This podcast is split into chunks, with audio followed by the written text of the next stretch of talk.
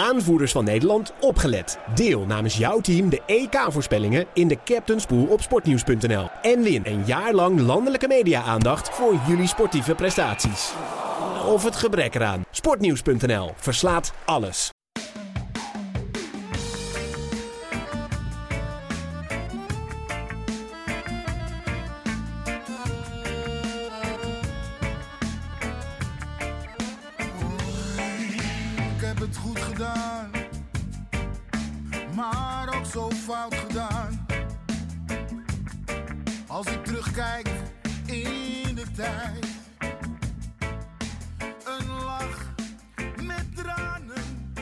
Is Interland Break. Ajax speelde dit weekend niet. Maar in de relatieve luwte bouwt de club wel verder aan een nieuwe bestuursstructuur. Een beleidsstructuur voor volgend seizoen. En dan denk je, Interlands, Oranje, Ajax, bestuurlijke zaken. Bestaat er eigenlijk een geschikter moment om bij te praten met een man die voorzitter van de KNVB en Ajax was? Michael van Praag, onze speciale gast in deze Brani-aflevering. Michael, wat ontzettend leuk dat je er bent. Nou, dat vind ik ook leuk en eh, speciaal hier. Het is even zoeken, maar dan, eh, dan heb je ook wat. Ja, dan vind je uiteindelijk in het hart van het Paroolgebouw Ja. de Johan Cruijffzaal. Want Ja. daar zitten we toch maar mooi. Ja, zeker. Met een mooi glas in lood eh, zie ik zelfs. Een soort van. En de rest is een beetje kaal, maar dat vind ik wel mooi. Ja, ja. ja, Johan hield het ook graag simpel, Weet ik. in feite. Ja. ja. Dick Sintony zit er ook bij. Ja, goedemorgen. Goedemorgen, Dick. Goedemorgen. En mijn naam is Menno Pot. Dan weet u met wie u eh, te maken heeft, het drietal hier aan tafel. Eh, en ik vind het altijd mooi om te zeggen... van alle internationale prijzen die Ajax in zijn geschiedenis won... won het er maar één zonder een Van Praag als voorzitter. En welke was dat, Dick? Eh, dat ga jij nu eh, zeggen tegen mij, eh, Menno. Want ik ben daar helemaal niet op voorbereid. Alles wat je googelen kan, dat weet ik niet meer hoor. Ja. Nee, dat was de Europa Cup 2 van 1987. Toen was Tom Ja. Harmsen voorzitter. Ja. Alle andere internationale hoofdprijzen hadden we een Van Praag als voorzitter. En was het niet Jaap in de jaren 70, dan was het Michael in de jaren 90. Eh, eh, dat is toch altijd een mooi ja, feitje. apart, apart. Nooit, me nooit gerealiseerd. Ja. Nou, echt niet? Nee, daar ben ik helemaal niet mee bezig. Nou, dan neem je die mee. Ik vind het, ja, dat neem ik zeker mee. Maar ik vind het ook een beetje, ik zou het een beetje ijdel gedrag van mezelf vinden. Van jongens, weten jullie wel dat en zo. Bovendien zaten jullie er ook zo Zo- lang. zo- Er moest ook wel een Ja. keer eh, gewonnen worden. Ja, zo is in die periode. Op de goede momenten in en uitgestapt. Nee, prachtig. Eh, eh, rijke eh, Van Praag traditie bij de club. Eh, we gaan eens even eh, over heel wat dingen praten. Ehm, om te beginnen wilde ik je vragen, Michael. eh, jij hebt nog één officiële functie in het voetbal. Een officiële Ja. eh, betrekking. Ja. Kun je daar eens wat over vertellen? Wat is dat en wat doe je? Nou ja, weet je, ik eh, ben eh, toen ik bij de UEFA begon in 2000, was ik erg aangetrokken tot stadionaangelegenheden en met name veiligheid. Ja, safety and security noemen we dat. En dus ik ben heel erg lang eh, bij de stadioncommissie en veiligheidscommissie van de UEFA eh, ben ik geweest. Met een uitstapje naar de Club Competitions Committee toen ik in de, het Executive Committee kwam, in het bestuur van de UEFA.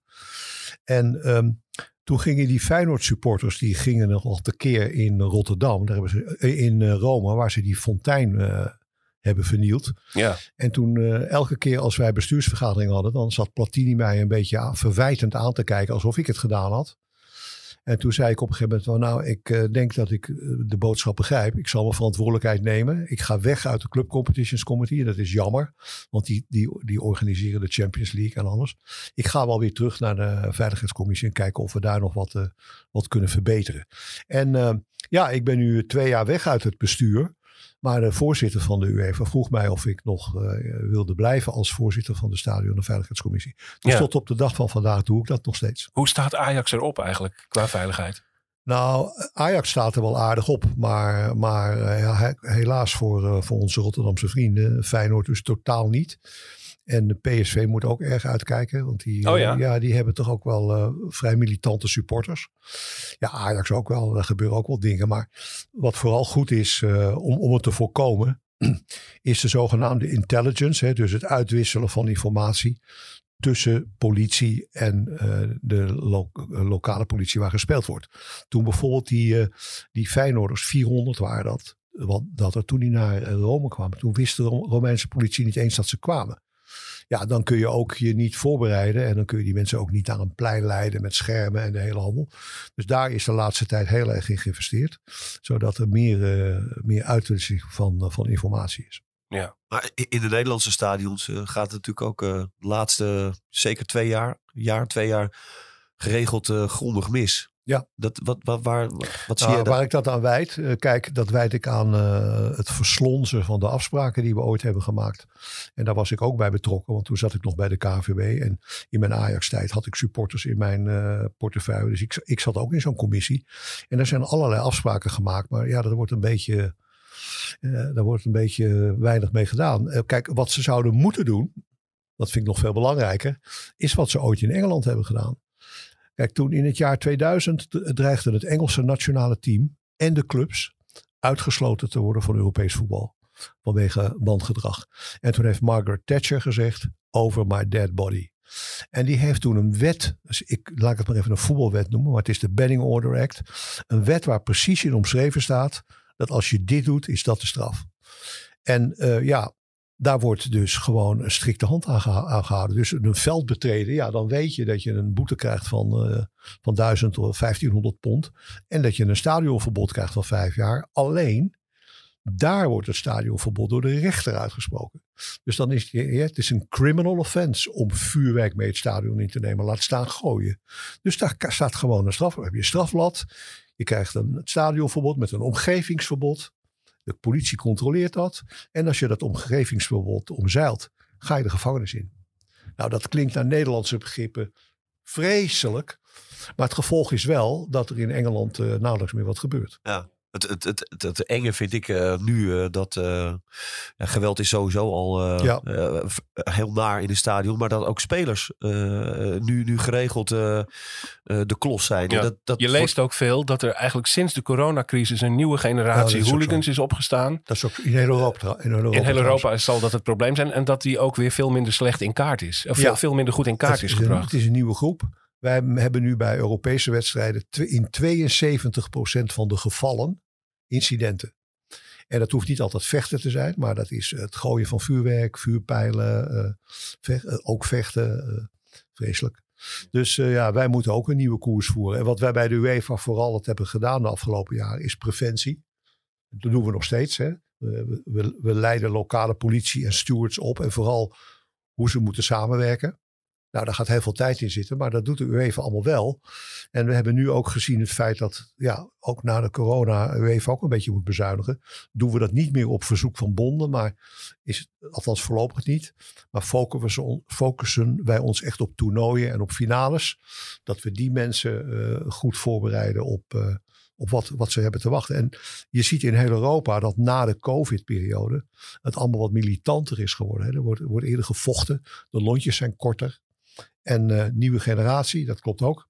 Dus het is een lastig ding. Alleen kijk, in Nederland worden ook stadionverboden gegeven. Maar die worden door de club gegeven.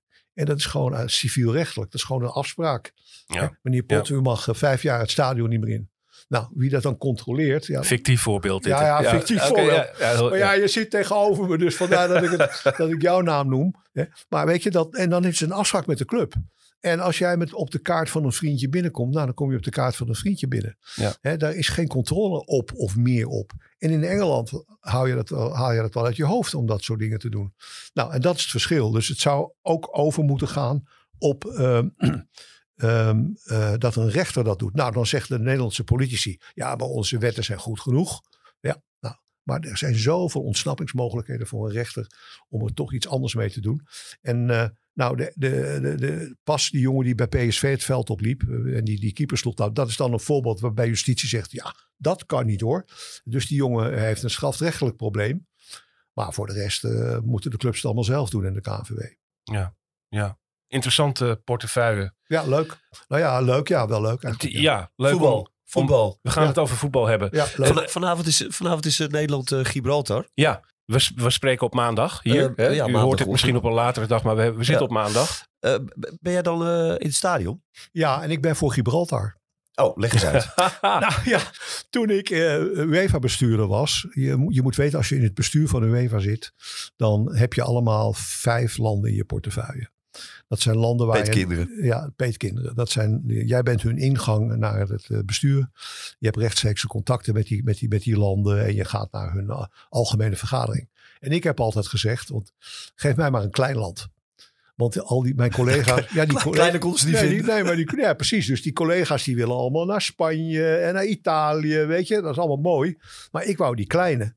Dus ik heb ja, IJsland gehad. Ik heb de Faroe-eilanden gehad. Het paradijs op aarde. Faroe, ga er een keer naartoe. Ja, En, eh, en ook Gibraltar toen ze lid waren. Ik heb ze zelfs geholpen om FIFA-lid te worden. Gibraltar. Dus ik heb een hele warme band met dat land. En ook met die mensen. Dus En jij hebt ze nu ook eh, eh, zeg maar ingelicht over hoe ze Nederland moeten verslaan. ik kan daar helaas geen mededeling ja, Nee, en het leuke van de Dus die hele rotspunt die Gibraltar in essentie is, die wordt vroeg of laat genoemd naar Michael van Praag. Nou, nee, dat niet hoor. Maar ze hebben wel gewoon maar 48.000 eh, mensen. Ja. Hè, en ze hebben daar 50 sporten.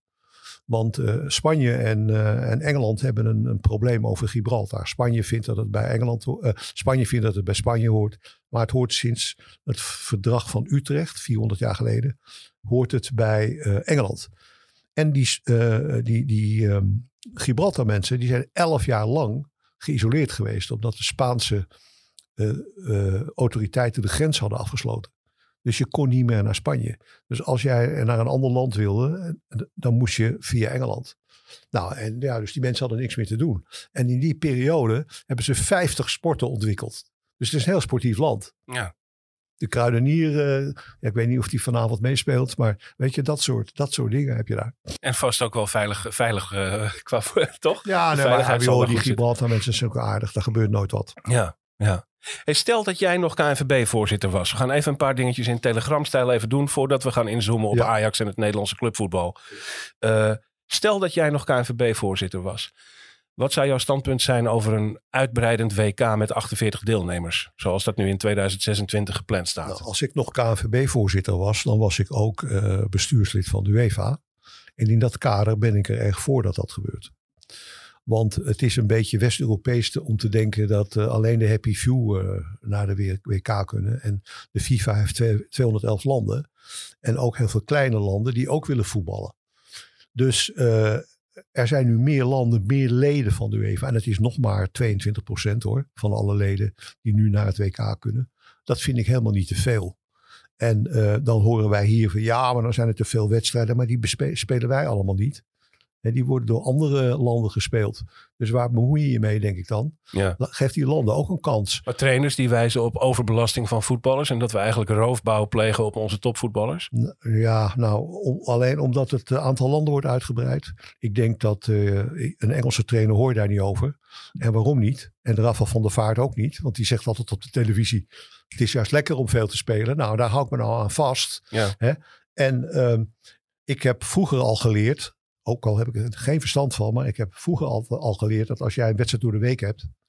dan moet je als trainer je, je training op aanpassen. En dan moet je niet als een gek door blijven trainen... Hè, alsof je maar eh, alleen in de weekenden speelt. Ik denk dat dat wel kan. Neemt niet weg dat ik wel vind dat... eh, Maar je, moet, je moet toch ook waken voor een verzadigingspunt. Je, je, je Ja, kan toch de, kijker, eh, de, de supporter, de liefhebber, waar je uiteindelijk voor voetbalt, ja, niet maar blijven eh, nee, dan eh, komen... vol stoppen met, met, met voetbal. Ja, maar je hoeft niet te kijken. Ja, je, kun- goed. je kan ook alleen je eigen land. Voor, voor Nederland scheelt het niet zoveel hoor, het aantal wedstrijden. Het is alleen dat, dat andere landen er nu bij komen. En dan hoor ik, ja, dat zijn niet zulke interessante wedstrijden. Nou, ik heb als ik naar het afgelopen WK kijk. Daar waren ook landen waarvan je denkt, nou, dat zal wel niet veel worden. En dat zijn hartstikke mooie wedstrijden geworden.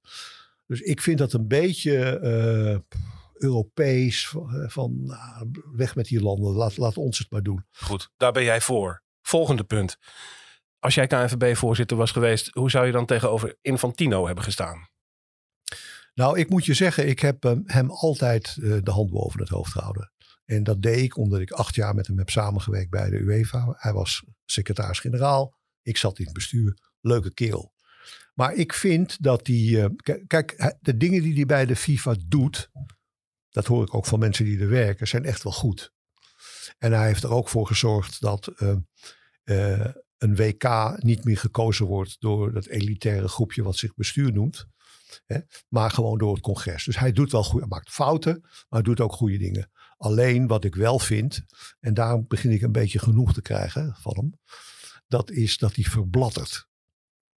Hij begint een beetje zonnekoning uh, gedrag te vertonen. Verbladderen. Is, is dat niet, is dat niet inherent aan die positie?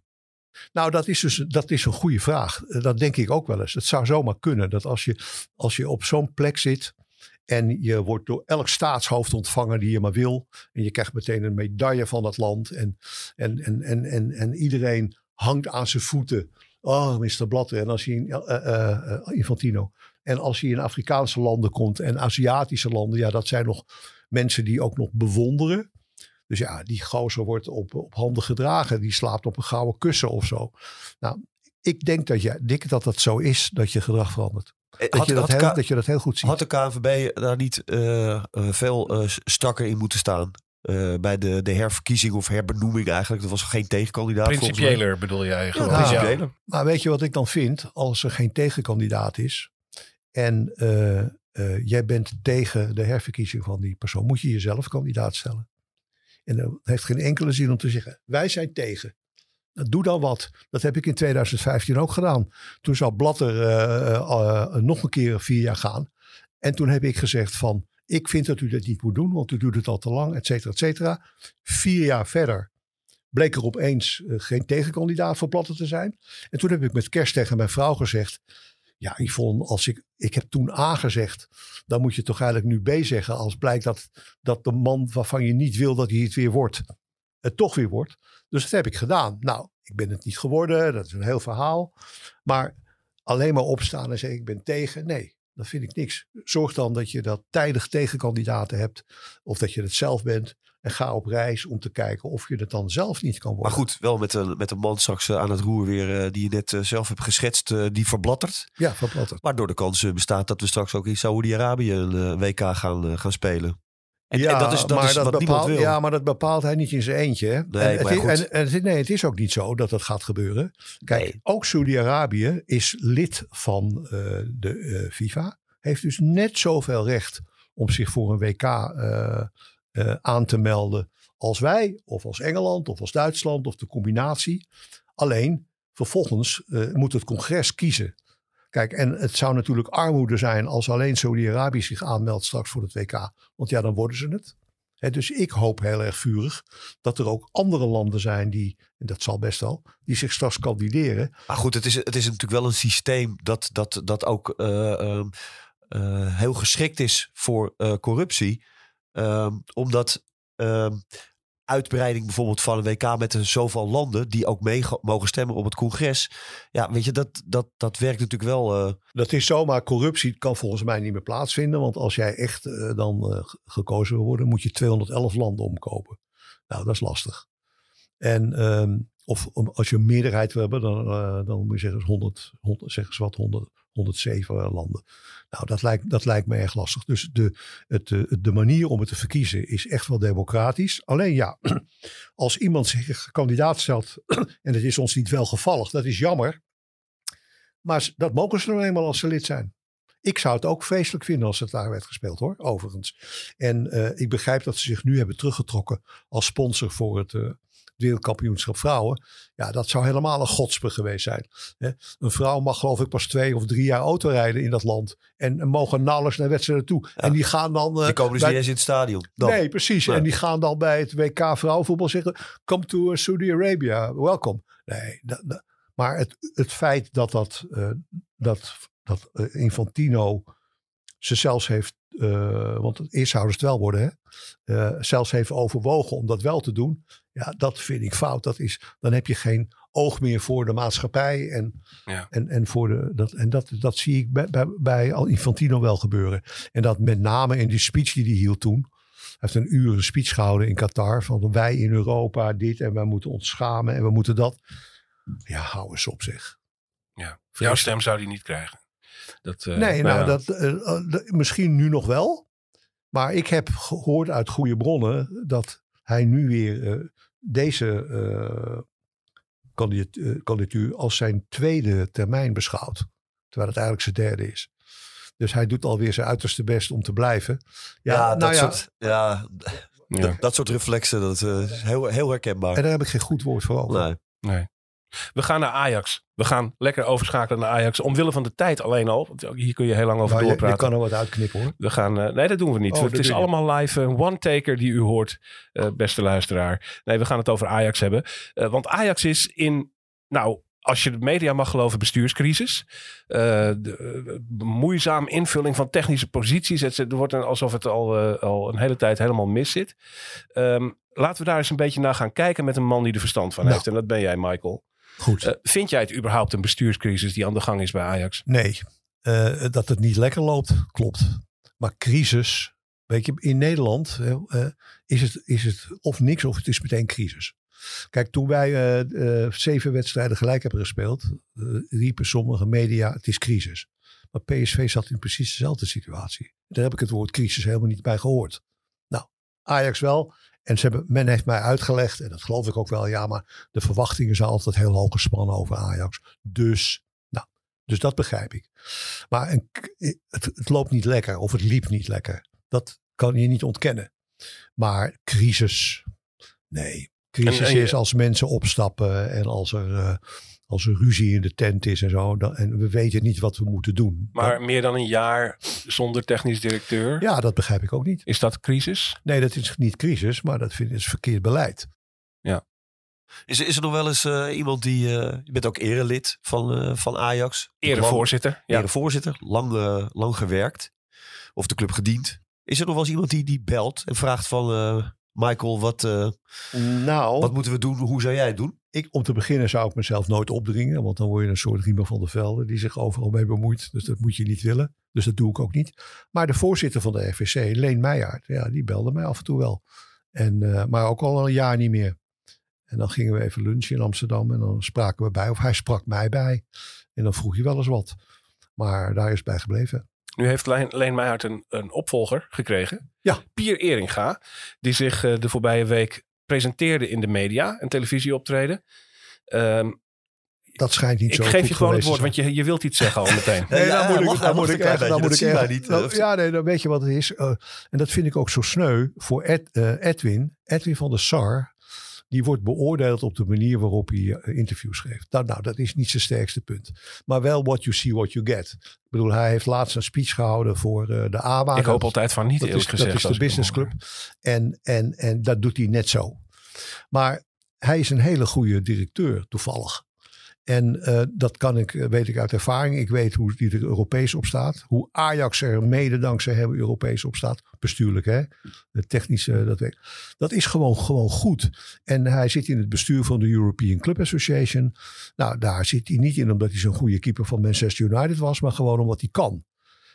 En hij doet zijn mond open. En dat doet hij ook in de vergaderingen betaald voetbal. Hè? Want daardoor zijn er ook clubs die hem lastig vinden. Dat is alleen maar goed. Nou, maar dan wordt hij beoordeeld op dat. En Pier, ja, dat heb ik inmiddels begrepen. Ik heb het zelf niet gezien. Maar ik zag alweer wat dingen op Twitter. Ja, die schijnt dan niet zo'n geweldig mediaoptreden gehad te hebben. Toen zou kunnen. Mhm. Maar wacht even, die man zit er pas net. Waar, wat, wat, wat weet hij nog? Hè? Wat, wat kan hij allemaal zeggen? Ik denk maar eens even terug aan eh, de twee jaar dat hij directeur bij ProRail was. En toen was het een fantastische woordvoerder. Dus ik, je moet iemand wel even de tijd geven.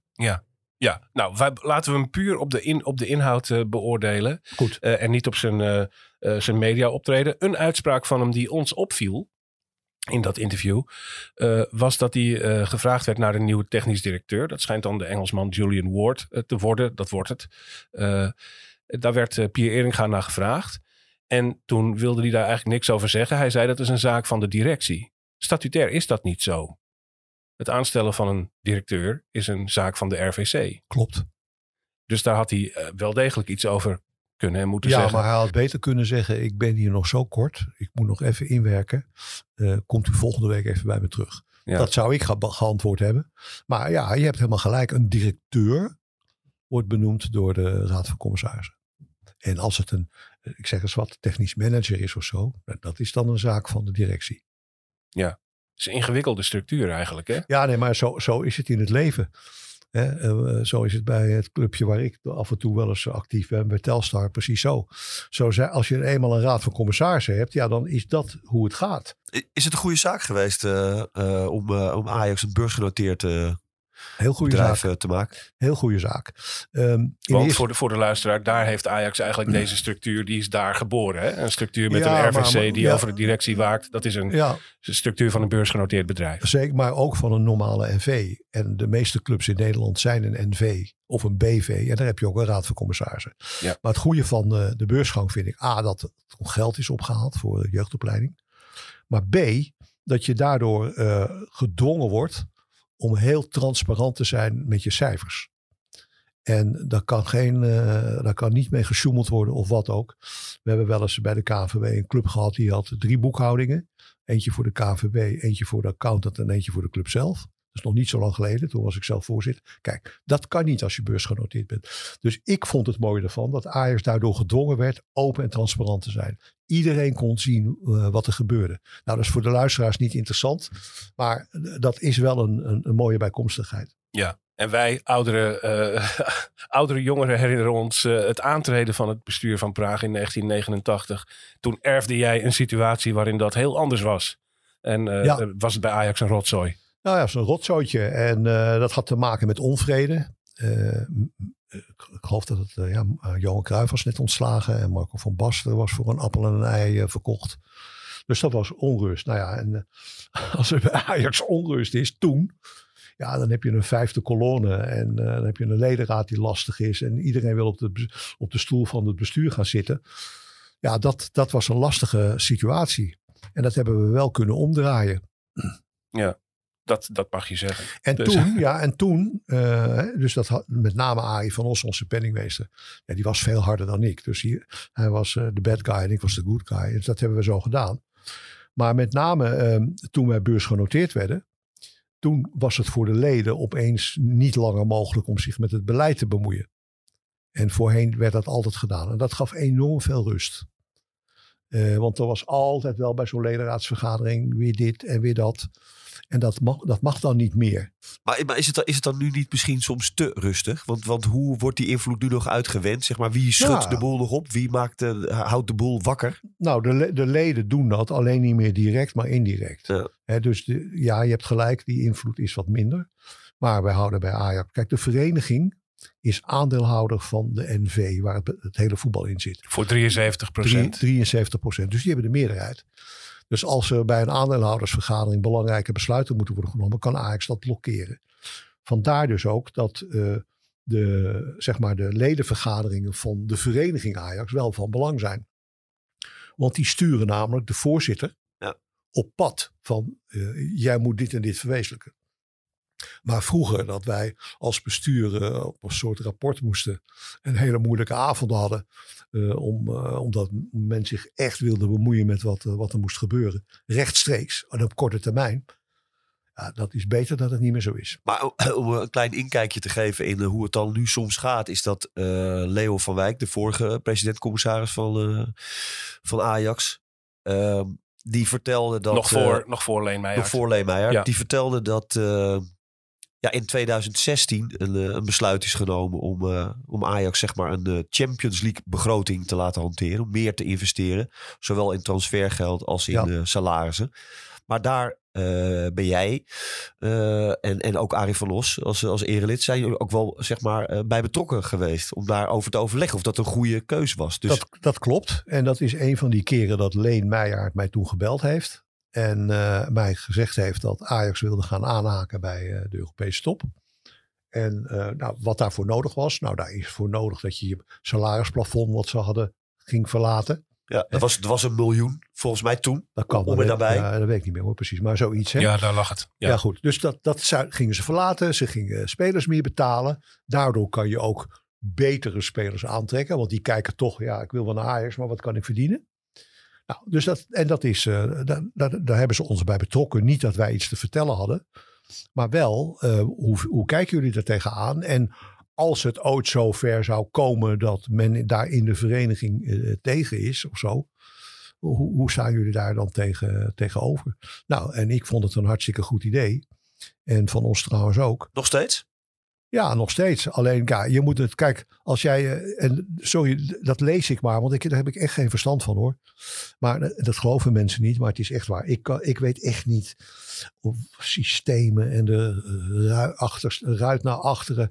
Jongens, vraag het me allemaal niet. Nee, je was, Maar kijk, was wat ik wel ja. begrijp, wat ik wel begrijp, kijk, ze hebben zeven spe- goede spelers zijn weggegaan. Ze hebben zeven nieuwe gekocht. Nou, volgens de experts hebben ze verkeerd ingekocht. Niet allemaal misschien, maar verkeerd ingekocht. Nou, daar wil ik even een, een kanttekening. En dus het gaat nu minder. Wil ik even een kleine kanttekening bij maken. Jari Liedmanen, onze grote Jari Liedmanen, heeft het eerste seizoen alleen maar in het tweede gespeeld. Want hij moest wennen aan het Ajax-systeem. Nou, daar hou ik me nou maar een beetje aan vast. Als supporter leek. Kennelijk is dat Ajax-systeem lastig. Nou, dan hebben we ze ook nog de pech gehad dat er een trainer was die kennelijk niet voldoende aansloeg bij Ja, de spelers. Een mismatch mogen we stellen. Laat ik het zo zeggen, een mismatch. Dus Ja. dat hielp allemaal niet. Nou, en ehm, misschien, ja, misschien hè, als, eh, als Heitinga eerder was gekomen dat we dat niet hadden meegemaakt. Maar dat weet ik niet, misschien. Dus ja, je hebt eens een keer een minder seizoen. Maar vraag mij echt niet, jongens, om te oordelen Nee, over nee, de kwaliteit dat- van spelers. Want Dat, zullen we niet doen, maar een wezenlijke, een meer wezenlijke vraag. Eh, Dat overleg met waar jij bij betrokken bent geweest in 2016. Toen is er een andere koers ingezet bij Ajax. Ja. Heeft de club heel veel gebracht. Ja. Een Europa League finale, Absoluut. een halve finale Champions League. Bijna eh, finale. Hè, Ja, bijna Hotspur. finale. eh, maar ook gewoon structureel betere prestaties Ja. in Europa. Een flinke klim op de ranglijst van UEFA-coëfficiënten. Ajax is, Absoluut heeft waar. zich bij de top 20 van Europa gevoegd. Zeker. Het, zijn, het is eigenlijk een gouden tijdperk Ja. geweest. Nu komt daar een kink in de kabel en moet de club in ieder geval sportief pas op de plaats maken. Vind jij dat er ook beleidsmatig en financieel nu een pas op de plaats gemaakt moet worden? Of moet Ajax doorzetten wat er is ingezet? Nou, ik Met vind, alle ik risico's vind, van ik, dien. Ik vind dat je moet doorzetten. Want eh, iedereen, en ook zakelijk, heeft wel eens een keer een slecht jaar. Al- ik had in mijn bedrijf ook wel eens een keer een slecht jaar. Maar dan ging ik me focussen op het volgend jaar. Voor mij is de lakmoesproef wat er volgend seizoen gebeurt. Het aankomende seizoen. Ja, het aankomende seizoen. Als Ajax dan weer gewoon eh, zo gaat spelen als het speelde. En als het weer zo is zoals het was. Nou, dan mag je best wel eens een keer een slecht jaar hebben. Dat is helemaal niet erg. Maar het moeten er geen twee worden, wil je zeggen? Precies. Zo kijk ik ernaar. Dus ik, ik wacht even af tot. Maar- eh, Ja, nee, dat begrijp ik. Maar u heeft eh, pas geleden in een interview ook gezegd dat eh, wat Je u moet, betreft, jij, je moet jij zeggen. hè? Oh ja, je. Ja. Dat zouden we doen. graag, meneer Sinten. Ja, de- je hebt gezegd in een interview dat eh, John Heitinga, eh, wat jou betreft, eh, Ja. langer zou kunnen blijven. Ja. Is dat dan niet heel erg tricky Nee. om, om dat belangrijke jaar, of misschien wel twee jaar, in de handen te leggen van een heel onervaren trainer? Nou ja, weet je, Louis van Gaal was ook onervaren. Die, die, die stond meer aan de kant te kijken als assistent in de tijd dan dat hij trainde. En hij, hij hielp de, de hoofdtrainer Le- Leo Benakker met, met, met de trainingen natuurlijk. En hij gaf advies. Maar ik vind het juist al mooi dat, eh, dat heeft Ajax altijd wel geprobeerd, om mensen uit eigen geledingen eh, een kans te geven. Nou, en ehm, zoals het nu gaat, pakt dat goed uit.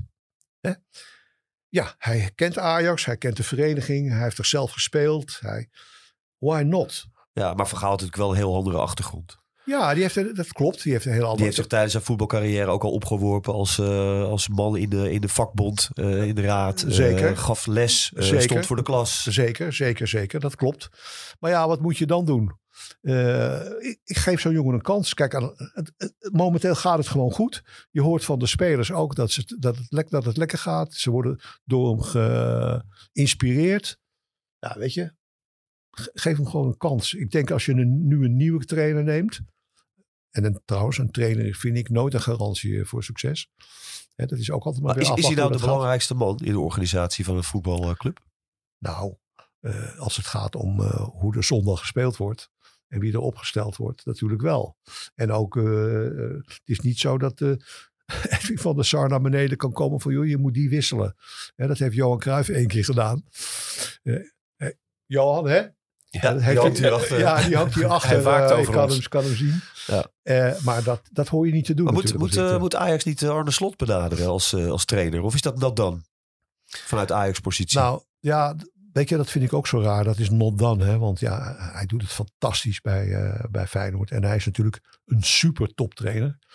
Maar ja, wij hebben ook van Geel is, was technische directeur bij ons, is ook naar Feyenoord gegaan.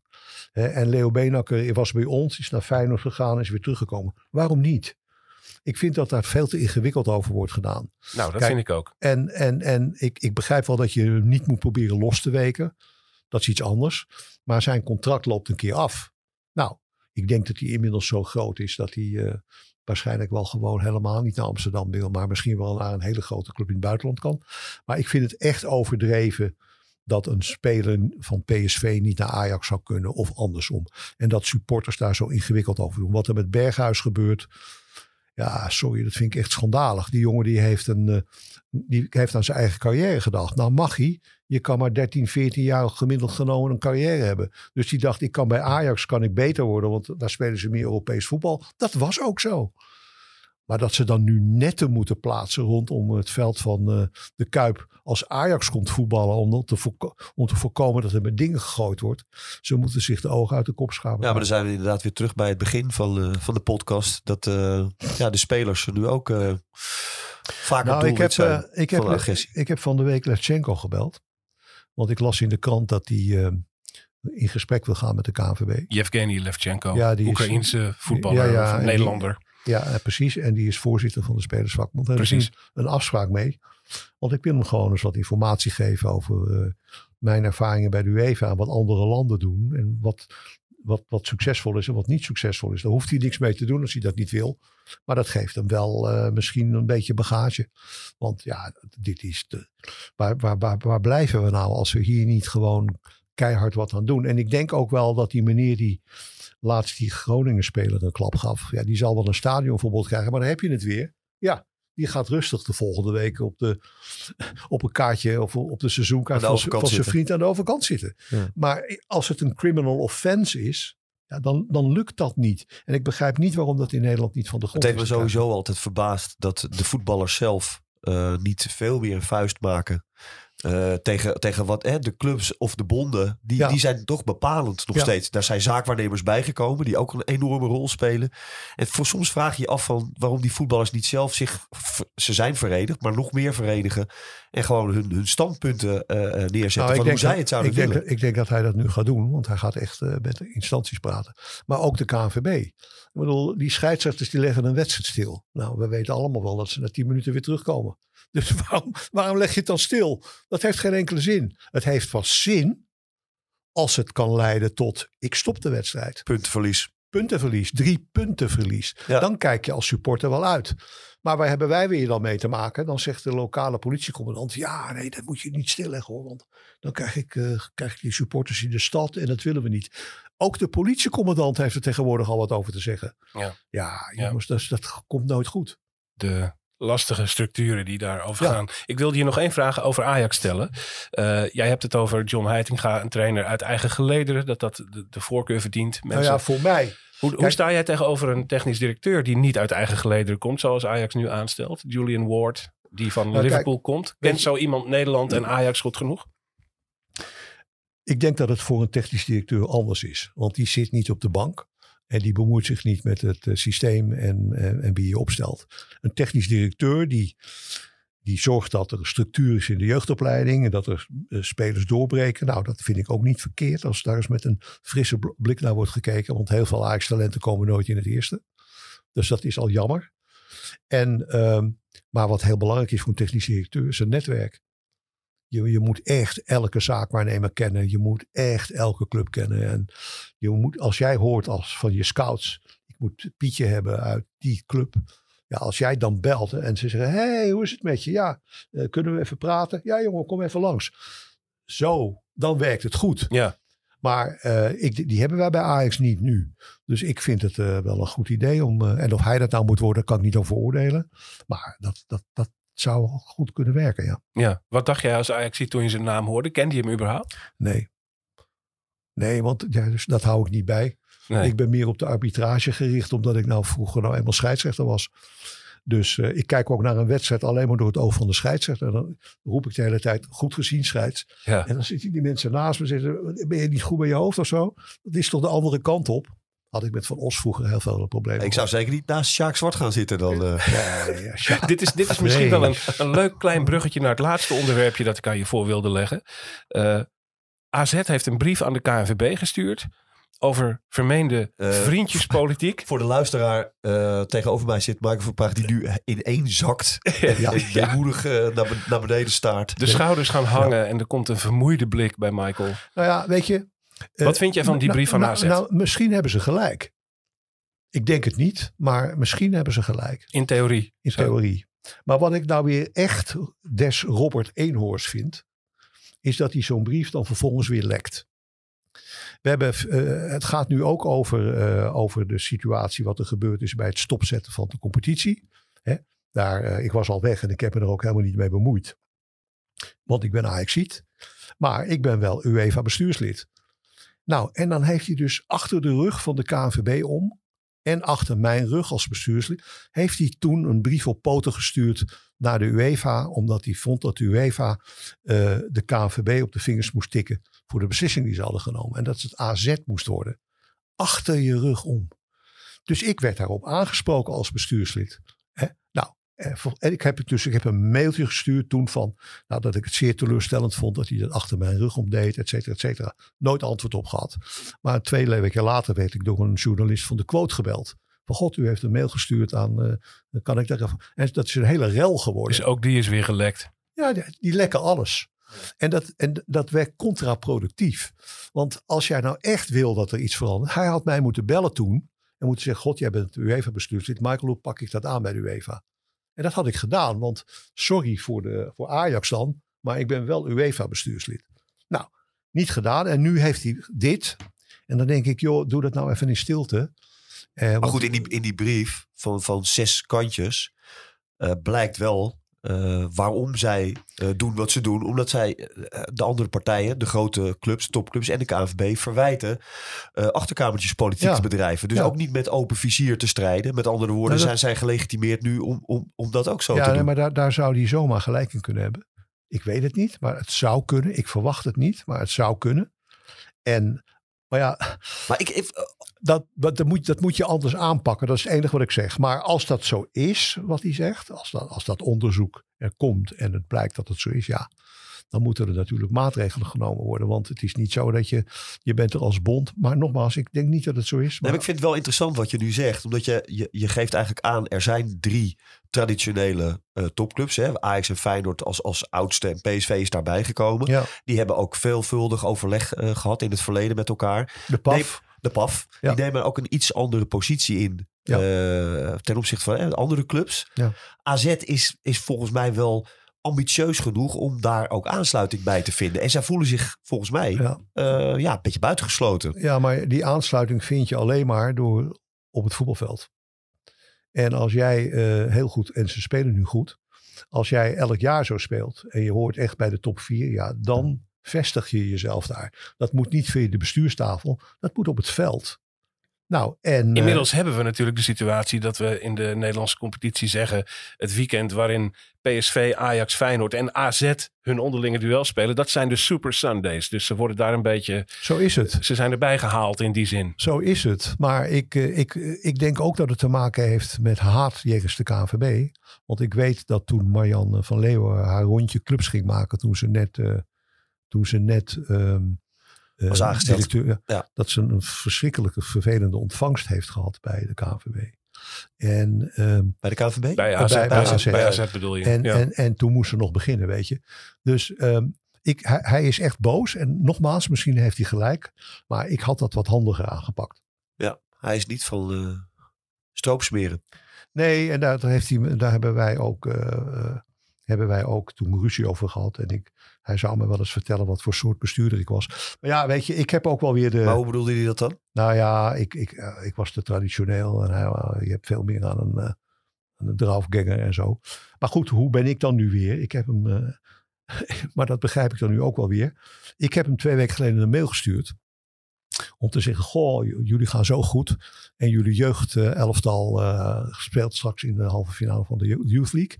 Ik ben daar ook. Want ik ga daar altijd naartoe. Ik stond aan de wieg van die competitie. Dus ik ga er altijd kijken.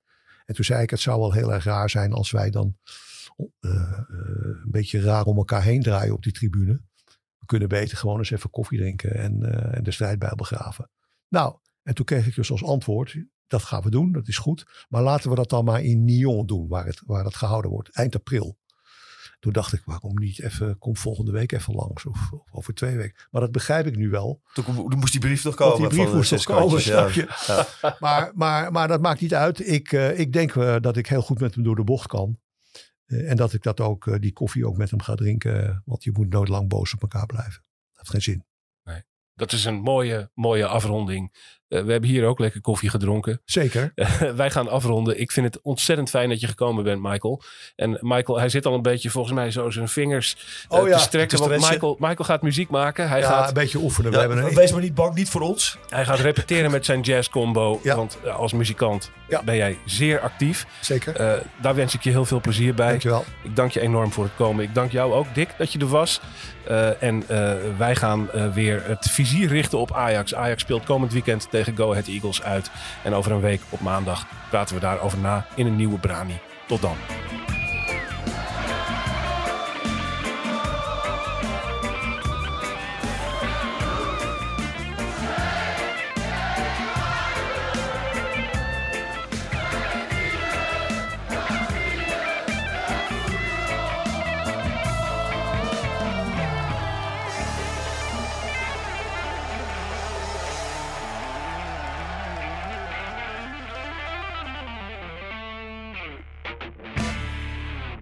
Wie kiosk zegt, zegt leesdeals. Van de Volkskrant tot Libellen en het AD tot Autoweek. Kies nu een abonnement dat bij jou past op kiosk.nl/slash deal.